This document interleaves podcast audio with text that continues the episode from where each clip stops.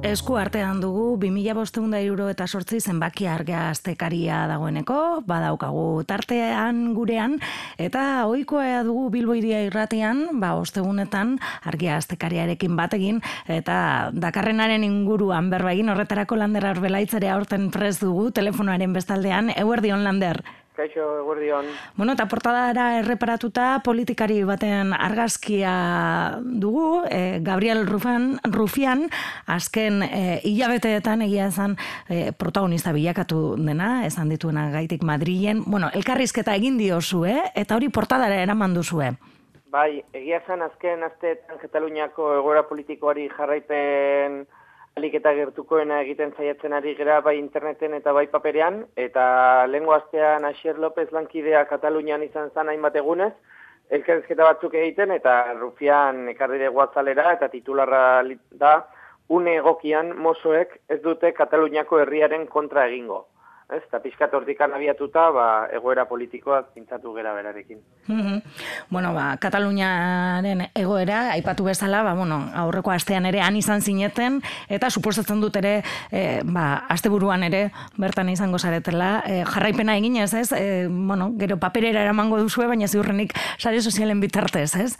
Bai, egia esan, horrelako momentu historikoak edo gutxitan bizitzen dira, eta bueno, hola, kazetari bezala lana egitea aulakoetan, baina nire ustez plazerra da. Mm. Eta lenguan aritu ginen txandak banatzen, eta, bueno, badoa zargiatikan pare bat kazetari area, leku ezberdinetan, baita ere dei egin diegu ara doazen Euskaldunei, ba, bidaltzeko bideoak eta bar, e, WhatsApp bidez eta bar, zeren egia esan Katalunia oso ondia da. Oso ondia, bai.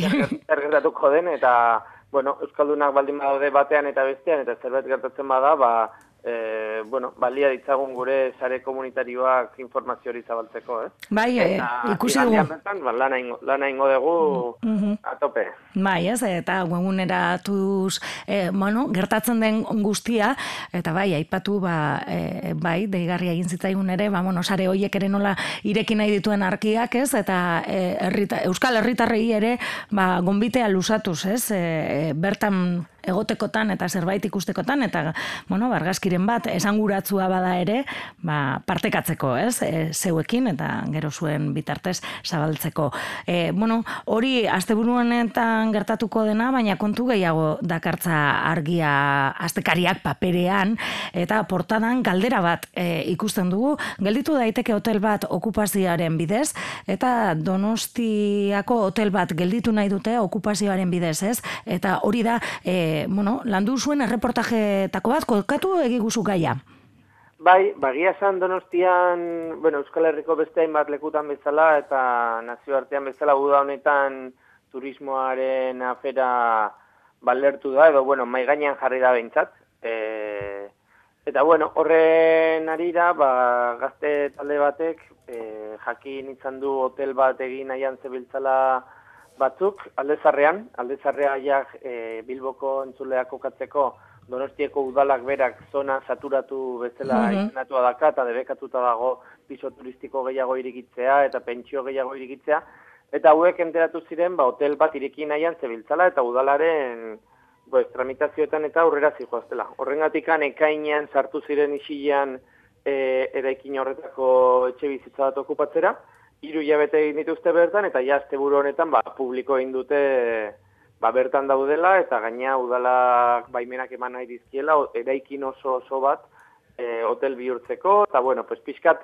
e, nik ez nire interpretazioa izateke, bueno, gu argia betzela bertan egon gera, beraiekin itzaiten, eta gauzak nola ikusten dituzten, e, entzuten, mm eta nire interpretazioa litzateke, ba, donostian turismoaren gaiak modu ezberdinetan eragiten diola eragile ezberdinei, ba ezberdina da e, aldezarreko auzo elkartearen irakurketa edo ernairen irakurketa, mm -hmm. bi adibide jartzearren, eta pixka bat abaniko horretan, diskurso ezberdinen anistasun horretan, hauek liratekela, ba, pixkat okupaziotik eta antikapitalismotik planteatzen dutena turismoaren gaia, ez? Eta nola bait elkar relikatzen dutela eta bola haunditzen dutela. Eta funtsean, pues, hauek zalatzen dutena da e, bloke horretan zehar, bloke horretan urteetan ba, aldezarreko jendea bizi izan dela, mm -hmm. bota egin dituztela denak jende gutxi batzuk gelditzeko bloke osoaren jabetzarekin, eta orain ba, hotel bat egin nahi dutela, nun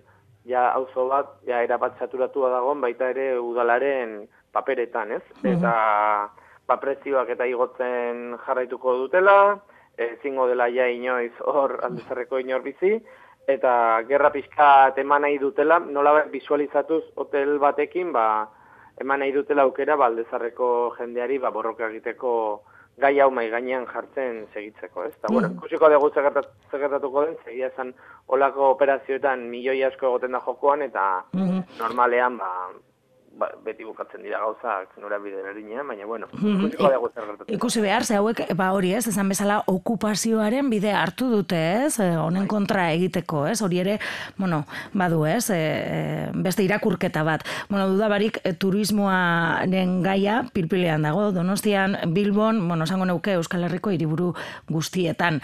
Beste gai bati salto egingo dugu, izan ere, ba, asko dira argiak dakartzana, eta, bueno, bueno, ba, musikaria ere elkarrizketatu duzu, eh? Mursego, maite arrauta jauregi, eta, bueno, kontu asko ekarri ditu, ez? E, kepa matzainak egin dio elkarrizketa. Bai, euneko egun joan e, diskoaren arira e, indio elkarrizketa, eta pixkat bako katzen du mursego, ba, zer dela eta egin duen disko hau, mm -hmm. pixka bat bizikiretzaren alde eta aurre iritzi arrazisten edo klasisten aurkako disko bat dela, eta oion herria hartzen du, oion mugan dago herri esarekin, eta pixkat ba, kokatzen du bertan, ba, nola saiatu diren, bueno, batetikan egiten du elkarrezketan, irakurketa bat herria berak nola ikusten duen, ez? Pues badagoela langabezita zaundia, badaudela etorkin asko, badagola ikastola eta eskola publikoa pixkaten frentatuta bezala, baina eskola publikora doaz etorkin guztiak, ikastolara pepeko kideek eta guzti ere bidaltzen dituzte aurrak ikastolara ez etorkinekin azteko, eta bueno, nola bait, herri horren idosinkrasia egiten du, eta diskoa nola saiatu den egiten bertako jendearen parte hartzearekin, e, zurrumurruei buruzko kantuak, karrazismoaren mm. aurkako kantuak,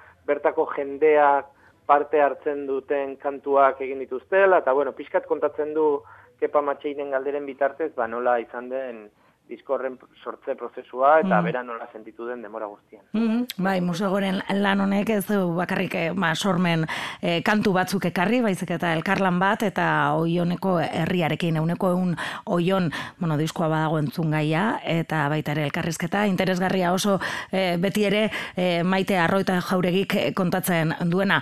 Hau izan dira, ba, gaur aukeratu ditugun e, irugai, argia aztekariak dakartzena, asko zere gehiago dira, beraz, hortxe dago irakurgai. E, datorren ostegunean berriro bat egingo dugu argiarekin, Lander, mi esker.